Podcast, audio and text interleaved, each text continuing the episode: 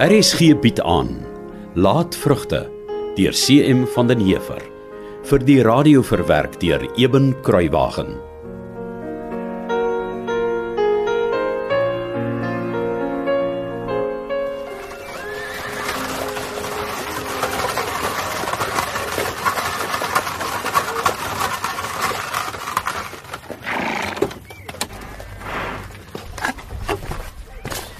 Pa. So jammer oor ma. Mm.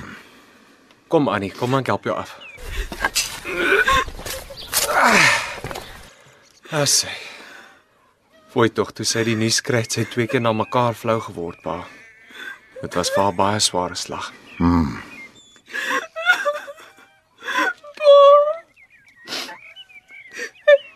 Ek kan dit nie glo nie.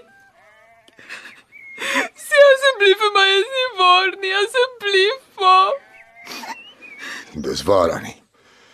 Jou ma's dood. Annie was toe reg, het pa geweet. Met ouma se begrafnis het sy mos gesê dis 'n voorbode dat ouma se lijk so lank warm gebly het. Iemand sal nie baie lank na ouma nie ook doodgaan. En kyk nou net. Ek sien Paul het klaar die graf gegrawe. Jy praat te veel. Laai die perdekar so lank af terwyl ek aan die ingaan. Kry vir sponte of kiewit om jou te help uitspan en die perde in die kampie te kry. Kom Annie, kom ons gaan.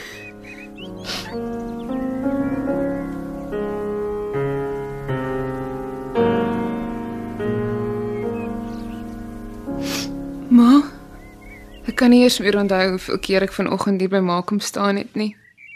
Seker al 5 keer of meer. Maar ek kan nog steeds nie glo dis waar nie. Daar's so baie ou goedjies van ma oral in die huis wat my laat glo ma's nog hier.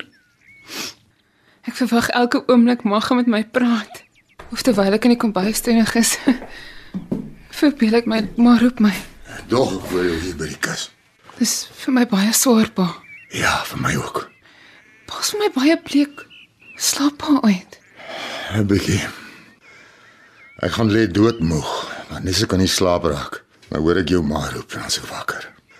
En dan kan ek nie weer aan die slaap raak nie. Ek slaap ook nie te goed nie. Kyk nou maar se hande wat so oor haar bors gevou is. So rustig nou. Mens kan sien dis hande wat jare lank hard gewerk het.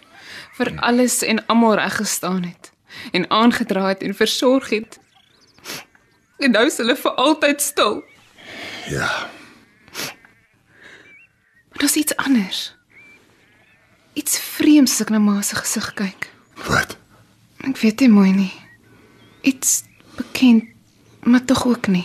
Ek sien 'n te ou, afgeleefde gesig vol plooie. En geel-wit, die gesig van 'n dooie. Pa, Dis wat ek sien. kyk verby die klere in die vel, pa. Kyk na die uitdrukking op ma se gesig.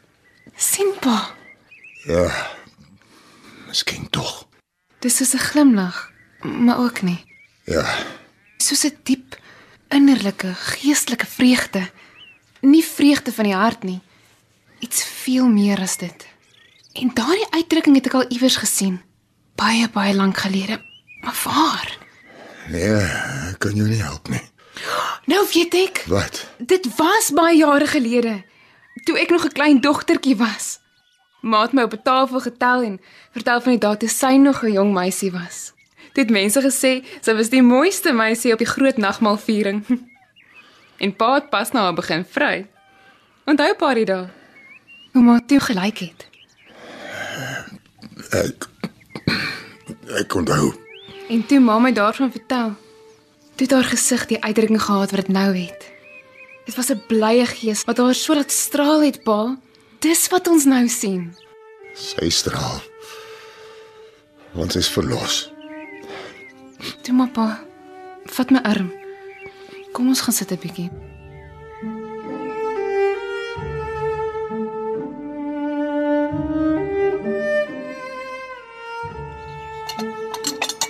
Dankie vir die koffie, Annie. Groot plesier, pa.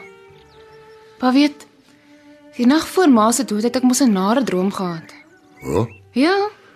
Ek het gedroom ma kom by my aan en huil vreeslik. Toe ek haar vra wat mekeer, toe sê sy 'n kar het haar kom haal en sy kom nooit weer terug nie. Ek het skoon in 'n koue sweet daarvan wakker geskrik. Dit was natuurlik al die tyd die vreeslike ding wat oor ons sou kom. 'n Voorpode, pa weet. En nou val dit my by. Klein Nettie huil mos nie baie nie. Maar net mooi 3 dae gelede het die kind so vreeslik sonder rede aan die huil geraak en vra ek haar wat mekeer. Kyk sy net stip voor haar en begin huil. Pa weet mos die kind is met die helm gebore. ja, Annie. Ag, en het ons albei die amper se glimlag op ma se gesig gesien.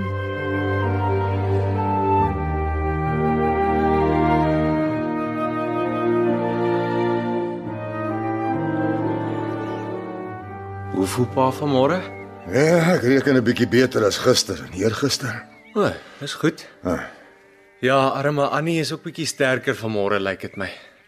Ek dink van sy die nuus van ma se dood gekry het tot nou toe, het sy meer trane gestort as in haar hele lewe.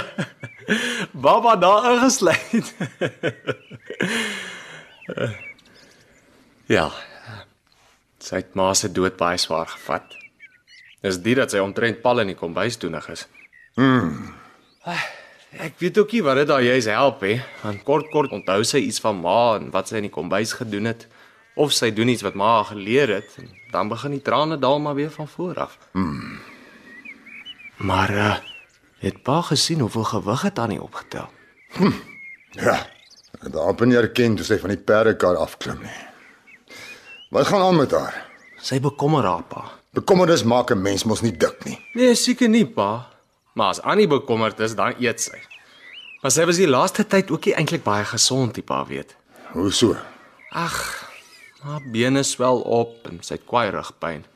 Die dokter het laas toe Annie by hom was met die griep gesê sy het 30 pond opgetel. Hmm. En toe sê hy vir haar sy moet gewig verloor want haar hart kry te swaar, maar toe bekommer sy haar oor haar hart en toe eet sy nog meer. Mm. En uh hoe gaan die bywonertjie aan?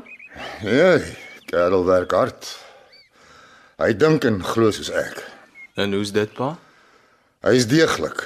Hy's lank voor sonop uit die kooi en lank na sononder is hy nog besig om klaar te maak wat klaar moet kom. Wah, dis arm goed, né? Ja, hy's nie 'n stoepsitter nie, dis verseker. Die enigste ding is dalk net dat hy te stadig is na my sin. Maar as hy iets gedoen het, kan jy maar sweer dis deeglik en reg gedoen. Daar's nie van oordoen as Bux aan iets gewerk het nie. Ek sien. So pa dink hy sal nog lankie bly. Solank as hy deeglik werk, ja. Maar as hy begin laat opstaan en vroeg stoep toe voeter, dan ja, kom van die plaas af se muur. Ja. En verder? Verder wat? Nee, ek bedoel maar verder hier op die plaas en so aan. Nee, dit gaan aan. Ek sien pa se twee kuile het water in. Hoe dit dan gebeur? Laas het pa nog gesê die kuile raak leeg. ja, die kuile.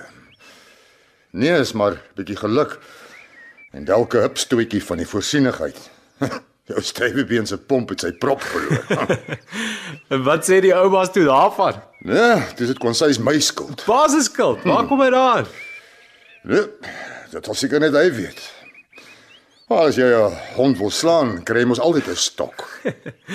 Nee, dit is so pa, dit is so. Nou, pa, uh die ding met Den. Hou jou snoel sleghalter.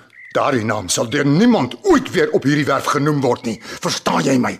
Ek hou my nie langer op met verfoeilike stoepsitters soos jy nie. Vir wat kan Annie nie 'n slag alleen Boskloof toe kom nie? Sy moet nou opsluit die niks wat elke goudelike keer saamsleep.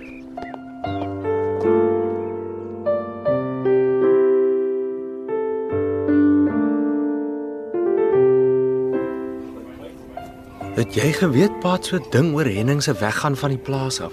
Wat 'n ding. Nee, ek het gisteroggend op die stoep alles en nog wat probeer om 'n bietjie met hom te gesels, sy aandag van ma af te lei, jy weet? Ja, en toe? Wel, toe vra ek hom ewe onskuldig wat het gebeur dat Henning van die plaas af is en toe vlieg hy op en sê my sleg en sê iets van hy wens jy sal 'n slag sonder my kom kuier. Arme pa. Ma se dood het hom slegter gevang as wat ons gedink het. Jy reken? Hoekom dink jy hy so ooreageer? Ek en hy het 'n rukkie saam by ma se kus gestaan en praat. Het jy hom al ooit emosioneel gesien? Behalwe kwaad of venerig. Nee, nie so ver ek kan onthou nie. Wel, hy het so half gesnik en ek moes hom voorhuis toe help. Hy kon nie eers loop nie. Dalk het die ou korrelkop tog 'n hart. Dit was darm sy vrou hier nie. En sy het skielik heen gegaan. Ek kan dink dit moes hom ontstel het. Al was dit net oor hy herinner is aan sy eie sterflikheid en verganklikheid. Ja, seker. Dink mooi. Hy's 'n magtige boer in die distrik. Hy het vir hom 'n klein koninkrykie oor jare met moeite en sorg opgebou. En skielik is sy vrou dood. Dit moes soos 'n hou met 'n byl aan die wortel van al sy standvastigheid gewees het. Mm, Iets wat hom moes laat onthou dat sy tyd ook naderkom. Dat ons oor 'n paar jaar weer die geroeste hek van die kerkhof sal moet losdraai. Maar dan dan sal die mense vir mekaar sê sy brand is dood. Dink daaraan. jy's baie slimmer as wat ek gedink het aan die venter. Maar so van Henning gepraat. Ek hoor pa hom van die plaas afgejaag. Wat? Ja. Ek hoor net hoe fluister die mense hoe verskriklik dit is dat Henning se weggaan ma se dood gekos het. Dink jy dis waar? Dis nie onmoontlik nie. Maar lyk my almal gee pa omtrent die skuld vir alles. Jy weet, dat Henning weg is en ma dood is. Ek het 'n tante hoor fluister, paat ma glo mishandel. Die skinderbekke. Kan jy dit glo? O, en almal dink dis vreeslik dat arme Henning nie eers by sy eie ma se begrafnis mag wees nie. Maar dit is arm erg dat hulle pa so fyn dophou. Huil hy? Hoe praat hy? Hoe gedraai hy hom? Dit sal my heeltemal gedaan maak.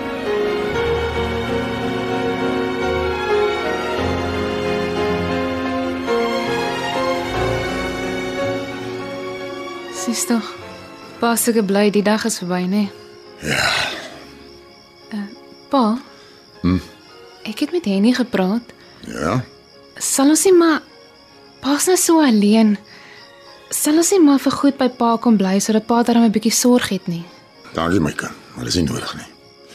Julle kan maar enige tyd weer in die pad val. Ek sal heel goed alleen regkom. Nou is ek moeg. Ek gaan slaap.